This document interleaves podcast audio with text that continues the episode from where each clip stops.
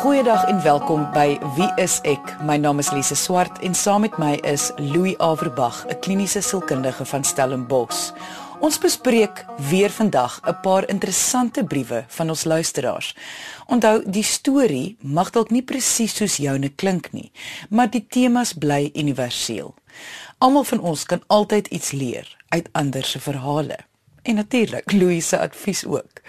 Ons gaan onder meer woede-uitbarstings, eensaamheid en probleemkinders bespreek. Maar kom ons luister na die eerste brief van die dag, voorgeles deur ons assistent Monica.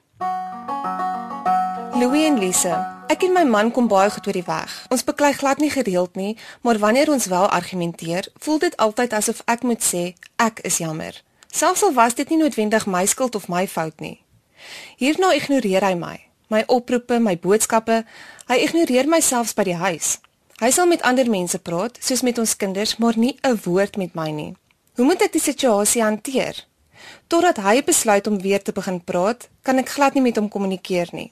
Hierdie keer het ek al 4 keer probeer om met hom kontak te maak, maar soos altyd kry ek geen reaksie nie. Ek het dit nou maar gelos. Wat kan ek doen? Louis, dit kan 'n mens tog so magteloos laat voel wanneer jou lewensmaat jou ignoreer wanneer jy iets probeer bespreek. Hoekom doen mense dit? Ja, ons almal het dit al ervaar en ons almal het dit al gedoen in 'n minder of 'n meerdere mate. En dis 'n baie effektiewe wapen wat mense gebruik teen ander, die weerhouing van kommunikasie. Baie keer word dit gebruik as een of ander vorm van straf, maar feitelik altyd terselfdertyd ook as gevolg van selfbeskerming. Onthou dat mense altyd die beste opsie kies wat vir hulle die minste nadele in het. So ons sou nou kon sê dat haar man glo dus nie dat kommunikasie met haar vir hom die beter opsie sal wees nie. Die beste opsie in sy kop is om stil te bly. Is om iets te weerhou van iemand anders nie deel van 'n vorm van mishandeling nie. Mens sou daarna so kon kyk ja, as dit met opset is natuurlik en binne in 'n sekere konteks is, maar ek dink nie dis hier waarna ons kyk nie. Meeste van die tyd gaan dit maar oor interpersoonlike mag, die stil stuipes of die koue oorlog wat mense sou van praat. Daar's tog niks wat sy daaraan kan doen om hom te dwing om met haar te praat nie, maar ek sou dit nou nie as 'n vorm van mishandeling sien in die geval nie. As sy nie met hom kan praat nie. Hoe op dies aarde gaan sy hom vra om nie meer vir haar so te ignoreer nie. Want eh, selfs ek voel nou al gefrustreerd met hierdie situasie. Ons moet in gedagte hou dat daar baie verskillende maniere van kommunikasie is. Sy stilte is 'n baie sterk kommunikasie. Dis 'n manier van kommunikeer dat hy nie wil praat nie. En sy staan dit te. Sy het dit nou al twee maniere probeer. Sy het hom nou al gevra en gesoebat en met hom gepraat. Maar sy het nog baie ander maniere wat sy kan gebruik. Sy weet dus nou watter maniere werk nie. Sy moet dus nou iets anders probeer. Nou ek kan nie waarborg dat iets anders sal werk nie, maar sy gaan iets vind, 'n ander manier van kommunikeer en ek gaan 'n voorbeeld vat. Onthou sy kan glad nie beheer wat hy doen nie. Sy kan hom nie dwing om met haar te kommunikeer nie. Sy kan nie in sy kop gaan en sy gedagtes verander nie. Sy sou byvoorbeeld aan hom kan kommunikeer. Hoe sleg dit vir hom sal wees as hy aanhou om nie met haar te kommunikeer nie. En dit kan enigiets wees. Dit kan wees deur hom ook te ignoreer. En ek praat nie nou van 'n kinderagtige speelietjie nie, dit is 'n ander manier van kommunikeer. Miskien werk dit. Of sy kan so sterk kommunikeer met hom dat sy in 'n ander kamer intrek. Nou ek laat my nie vertel dat hy nie dan met haar gaan kommunikeer nie. Al is dit om met haar te verskil of te raas of ten minste te vra wat aangaan, dan kommunikeer hy mos met haar. Dan het dit gewerk. So dis 'n ding wat ons baie keer mee sukkel dat ons dieselfde ding oor en oor doen en hoop die resultate verander. Die kern hier is jy hoef nie net in taal te kommunikeer op dieselfde manier nie. Wys is ook 'n baie goeie manier van kommunikeer. Jy luister na Wie is ek met Louie en Lise op RSG 100 tot 104 FM. Jy het nou verwys na dat sy nou ander opsies moet probeer in plaas van dit wat sy die hele tyd self nou probeer het want soos jy nou gesê het duidelik werk dit nie. Die voorbeelde wat jy genoem het ek hoor wat jy sê ja, dit dit dit klink asof kinderagtig kan wees, kinderagtige gedrag om so half of dieselfde te doen as hy of sulke half dreigement soortgelyke dreigemente soort aksie dan te neem. Maar ek dink wat jy hier probeer sê is ons moet nou nie kinderagtig wees nie. Dit is om hom te kry om nie net te verstaan wat aangaan nie, maar om hom te kry om te kommunikeer. Ja, enige reaksie van hom af is beter as geen reaksie nie. En hoe simpel dit nou ook al klink, ek sal graag wil vra wat se ander opsies daar is. Want daar is nie ander opsies nie. Die enigste ander opsie is dat sy dit eenvoudig so aanvaar. Dat elke keer wanneer hulle argumenteer, gaan hy haar ignoreer. Wat ook nie 'n slegte opsie is nie, want duidelik kan mens sien uit haar brief, hy kom elke keer weer terug. Hy hy begin eers weer met haar praat. Ja, dit klink nie asof hierdie situasie die einde van hulle huwelik beteken nie. Ek lees tussen die lyne andersins gaan dit eintlik heel goed. Dis net hoogs frustrerend. Maar Ons weet mos nou wat kan gebeur met situasies wat hoogs frustrerend is, dit raak naderhand 'n baie groot aangeleentheid. Louis en Lise. Ek is 'n enkel ouer van 'n 2-jarige dogtertjie. Ek ly aan depressie. My dokter het voorgestel dat ek meer interaktief met ander moet wees.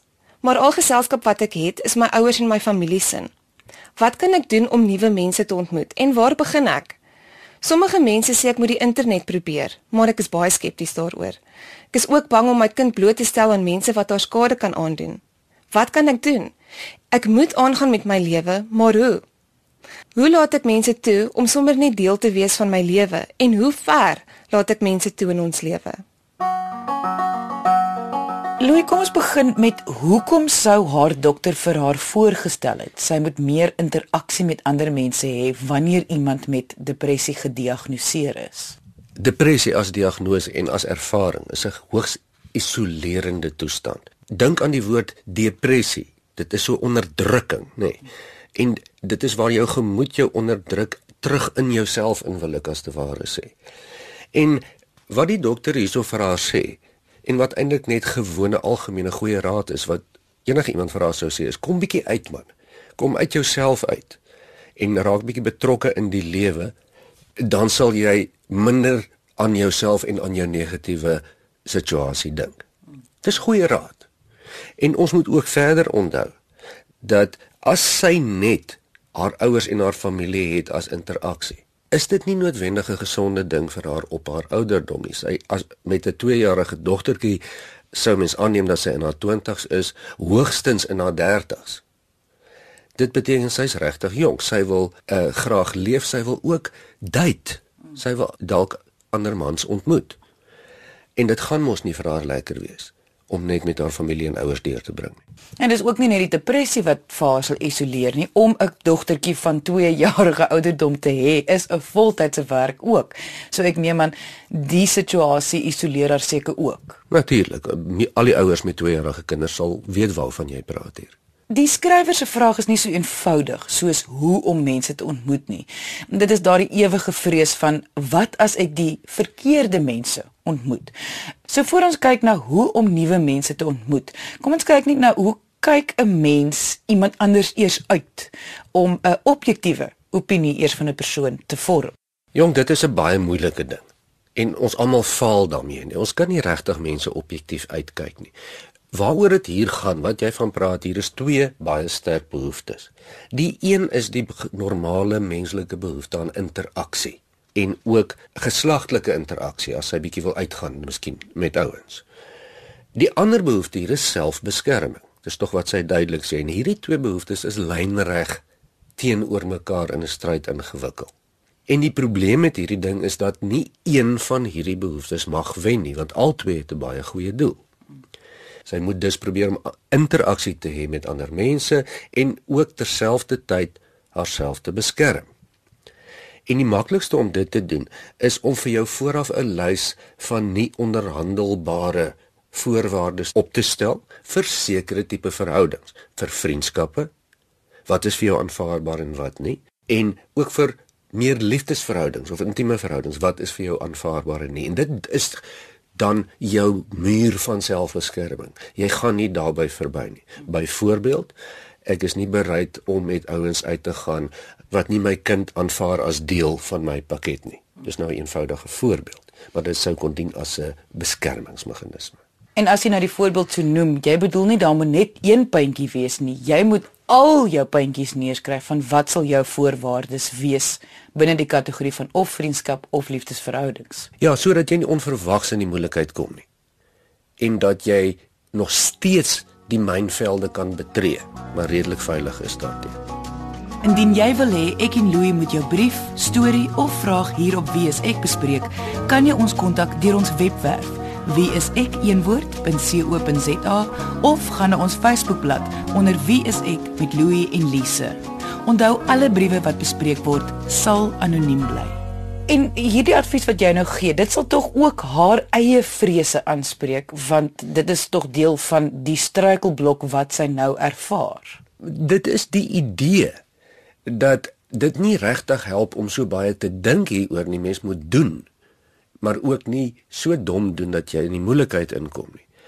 Uh as dit vir haar moontlik is, sy sê sy het 'n dokter of kan sy dit dalk bekostig om ook 'n sielkundige te sien. Die medikasie is nie altyd net die enigste antwoord nie. Dit is feitelik nooit net die enigste antwoord. 'n Sielkundige kan haar dalk help om ook hierdie probleem verder aan te spreek om dan net terug te kom na eerste deel van haar vraag, eh, 'n uh, vraag wat ons gereeld hier op wees ek kry. Hoe en waar ontmoet mens nuwe mense? Ek verstaan dat die voorstel om op die internet te gaan, dit is 'n goeie voorstel, maar dit is nie 'n voorstel wat vir almal werk nie. Kyk, ek kan dit nie antwoord nie want dit hang af van mense omstandighede en en en waar jy bly ensovoorts. Maar wat ek wel kan sê is wanneer jy nie nuwe mense ontmoet nie, is as jy nie uitgaan nie of as jy jouself nie beskikbaar stel nie. En beskikbaar stel het regtig te doen met 'n ingesteldheid. Dit het 'n ingesteldheid dat as iemand van 'n geleentheid praat, dan wys ek belangstelling daarin. Uh ek kan by die kerk een of ander groep by aansluit. Um ek kan by plaaslike sosiale omstandighede kan ek betrokke raak of dit nou vir my lekker is of nie. En dis hoe mense nuwe mense ontmoet dit gebeur dan van self ek het ook al uit eie ervaring agtergekom dat wanneer mens by groepe aansluit wat nie noodwendig groepe is wat jy eh, in belang stel nie, maar om die mense te ontmoet, om te gesels sommer oor wat die onderwerp is, dit verlig baie die druk dat jy hoef onderwerpe uit te dink om met vreemdelinge te bespreek. Uh, dan is dit so half klaar vir jou daar. Jy kan lekker gesels met mense en soos alles met verhoudings, dit gebeur nie oornag nie dit is iets wat 'n mens rustig en kalm vat en dis daai hele ding van kyk mooi almal leer almal ken en alles. Sou jy saamstem? Ek stem heeltemal met jou saam. Al moet jy nou die leserskring bywoon al hou jy nie van lees nie dan gaan jy want so ontmoet jy nuwe mense Ons bespreek vandag 'n paar van ons luisteraarsbriewe. Alhoewel die inhoud van mekaar verskil, handel almal oor menslike gedrag en omdat ons almal mense is, sal daar altyd iets wees wat ooreenstem met ons eie lewens en lewenservarings. Kom ons beweeg aan na die volgende brief van die dag. Al ons briewe word voorgeles deur ons assistent, Monica. Goeiedag Louie en Lise. Ek en my man staan op trou. Hy kry hierdie verskriklike woede-uitbarstings. Nie net met my nie. As hy nie sy sin kry nie, sal hy sommer op vreemdelinge vloek en skel. Hy is tans op medikasie en dit sluit 'n kalmeerpil in. Ek wil net graag by julle weet hoe hierdie uitbarstings met 'n gemoedstoestand verband hou. Hy het 'n vreeslike kinderlewe deurgemaak. Mamma het vir ouboet voorgetrek en kleinboet was niks. Kan dit deur sy kinderlewe wees dat hy vandag so is? Wat staan my te doen? Hoe kan ek hom help om hierdie uitbarstings onder beheer te kry? Louis, jy is al meer as 20 jaar in privaat praktyk en ek glo dat jy al amper alles gesien het van menslike gedrag. Woede-uitbarstings is tog algemeen. Baie mense sukkel daarmee. Maar waar kom hierdie uitbarstings vandaan? Met ander woorde, wat veroorsaak hulle? As mens na enige oorsaak van menslike gedrag kyk, dan moet mens op twee vlakke kyk waarvan die eerste een logies is. Ons kyk net eers gou-gou logies. En as mens logies kyk, dan kyk jy na fisies en sielkundig. Fisiese oorsake van woedeuitbarsings kan byvoorbeeld neurologiese oorsake wees. Logiese, verstaanbare sielkundige redes vir woedeuitbarstings kan byvoorbeeld baie druk by die werk wees, uh, slegte lewensgebeure, dit kan wees ook 'n paar persoonlikheidsfaktore wat maak dat hy baie baie sleg druk kan hanteer en dinge baie persoonlik opneem. Maar daar is ook 'n onlogiese of 'n sogenaamde onbewuste verklaring vir gedrag soos woede uitbarstings. En dis wat ons dan sal noem in algemene taal ons issues. dit wat ons sneller wat van baie kleins af binne ons opgebou het en wat daar lê as 'n vulkaan en dan gesneller word deur dinge wat van buite af gebeur anders as ander mense dis wat maak dat sekere mense kwaad word sekere mense raak skaam sekere mense raak baie bang sonder dat daar logiese redes voor is. Dit kan ook 'n kombinasie van alles wees. So wat jy eintlik sê is tot en met jy of enige ander professionele persoon hierdie persoon nie ontmoet of leer ken nie, is dit baie moeilik vir ons om te sê wat die oorsaak is van sy woedeuitbarstings. Ja, jy is heeltemal reg, mens kan nie regtig sê nie, maar ek sou 'n aanname kon maak. As hy reeds by sy dokter is en hy gebruik gewone medikasie en dit klink vir my vir sy gemoed, dan beteken daar's nie neurologiese probleme nie. Sy dokter sou dit ondersoek het. Ehm um, sy dokter het dit dus vir hom voorgeskryf vir sy gemoed wat beteken of hy ervaar baie druk van sy omgewing uit. Byvoorbeeld sy werk, eh uh, finansiële omstandighede, moontlike verhouding, wat dit ook al mag wees, enigiets ekstern homself. Of dit is sielkundige onlogiese druk wat op hom uitgeoefen word, wat uit homself uitkom, wat hy nie kan beheer nie. Hierdie is my baie soos die eerste brief wat ons bespreek het van die man wat sy vrou vir dae ignoreer wanneer hulle 'n argument het. Die frustrasie van hierdie uitbarstings kan mos angstigheid by die skrywer veroorsaak want mense later mos so half begin wag vir wanneer gaan dit nou weer gebeur. Ja, dit veroorsaak antisipasie. Dit laat mens worry om dit in algemene taal te sê. Wanneer gaan hy nou weer ontplof? Ehm um, en ja, dit is baie soos die eerste brief wat ons bespreek het behalwe dit klink nie asof hierdie man veel beheer hieroor het nie. In ons eerste brief was dit baie duidelik dat die man beheer daaroor het. Hy kies om stil te bly. Hierdie ou kies, dit klink asof daar baie min tyd verbygaan tussen waar hy gesneller word en waar hy reageer met sy uitbarsting en dit is amper tipies van hierdie emosionele storms wat mens baie keer sien dit spring op jou en voor jy kom sien kan jy jouself nie beheer nie. Net om by te voeg, ek kan nie dink dat dit enigsins vir hom kan lekker wees om hierdie uitbarstings te hê nie. Dis seker ook hoekom hy bereid was om medikasie te kry of om die dokter dan te gaan sien. Ons neem so aan en ons hoop so. Dit lyk tog seker asof hy dit hom ook pla, nê. Soos jy sê anders sou hy seker nie na die dokter gegaan het nie. As dit hom nie pla nie, sit hy met 'n geweldige groot probleem maar ons neem aan dit pla hom en in daai geval is dit nie lekker as mens nie beheer het oor jou emosionele reaksie nie dit is hoogs onaangenaam en dit is nogal vernederend ook Jy luister na Wie is ek met Louie en Lise op RSG 100 tot 104 FM Jy het net nou verwys daarna dat as gevolg van sy medikasie is daar dalk iets soos 'n gemoedstoestand wat betrokke is en sy het ook gevra wat het uitbarstings met 'n gemoedstoestand te doen? Het dit of kan dit enigiets met 'n gemoedstoestand te doen hê? Behalwe as daar neurologiese oorsake is wat ons dink nie hier is nie, het dit 100% met gemoedstoestand te doen. Dit is 'n gemoedstoestand. Konstante woedeuitbarstings is 'n eksplosiewe vorm van jou gemoed wat nie uh, stabiel is nie. En dit is baie rar dat hierdie tipe woedeuitbarstings in isolasie plaasvind. So ons kan maar aanneem dat die ander areas van sy gemoed sleg aangetas is, uh, het sy dit met hoë angstigheid gepaard gaan of waarskynlik met 'n lae onderdrukkende depressie gevoel gepaard, gepaard gaan. Sy gemoed is dan duidelik in gevaar. Is dit algemeen dat 'n kalmeerpil ook voorgeskryf word vir mense met sulke woedeuitbarstings? O ja, nogal gereeld. En jy weet daar word selfs voorsiening gemaak vir diagnoses net vir 'n woedeuitbarstingsversteuring, 'n eksplosiewe gemoedversteuring. Die medikasie gaan daaroor om mense autonome senuweestelsel so te reguleer dat daar daarom nie so onmiddellike uitbarsting van 'n vulkaan is op grond van wat jy ervaar nie. Want dit is abnormaal. Hoe kan sy hom dan bystaan? Wat kan sy doen om hom te help om hierdie uitbarstings onder beheer te kry indien daar enigiets is wat sy kan doen? Ja, en jy stel dit goed om hom te help om sy uitbarstings onder beheer te kry, want die werk om dit onder beheer te kry is syne. Nou kan sy kan dit nie vir hom doen nie. En ek is bietjie onseker wat oor wat die aard van hulle verhouding andersins is.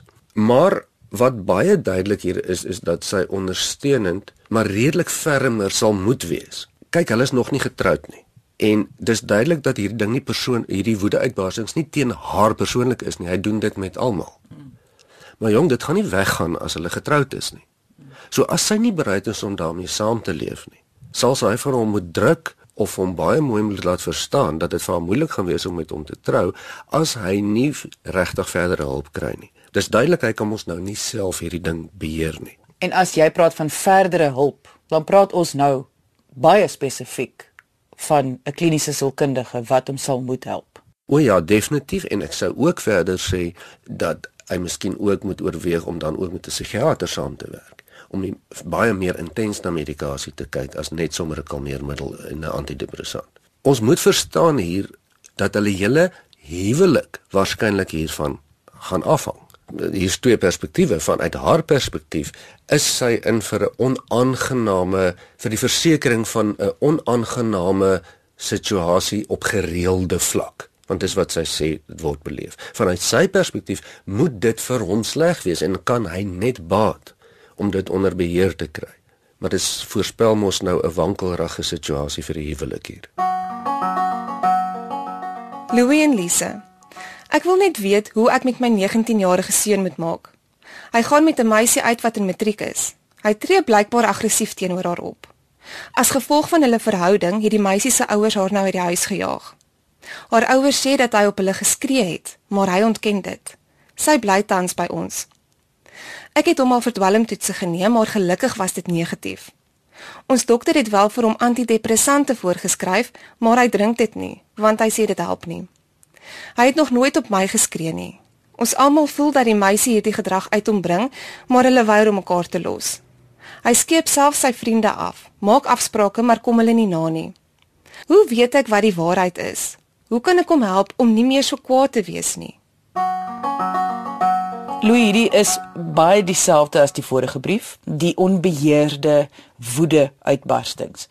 Maar in ons vorige brief het ons te doen gehad met 'n volwasse man en nou met 'n tiener van 19 jaar oud. Is daar 'n verskil behalwe vir die ouderdomme? Ja, duidelik want sy ma ervaar nie dat hy dit met haar doen nie. Met ander woorde, hy kan dit beheer. As dit dan waar is dat hy op ander plekke dit nie kan beheer nie. En onthou, hy's 19. En daar's 'n groot verskil tussen iemand wat op 19 nie hulle emosies kan beheer nie en iemand van 29 of 49. Die sien is ook medikasie voorgeskryf, antidepressante. In hierdie geval, weer eens, kan dit 'n verskil maak? Natuurlik kan dit 'n verskil maak as hy gemoed laag is, maar ek dink in die geval het dit nie veel te doen met die punt nie. Hierdie is 'n sosiale interaksionele probleem. En ja, as hy dalk 'n baie lae gemoed het daarmee saam kan die antidepressante help, maar dit gaan nie die dinge oplos nie.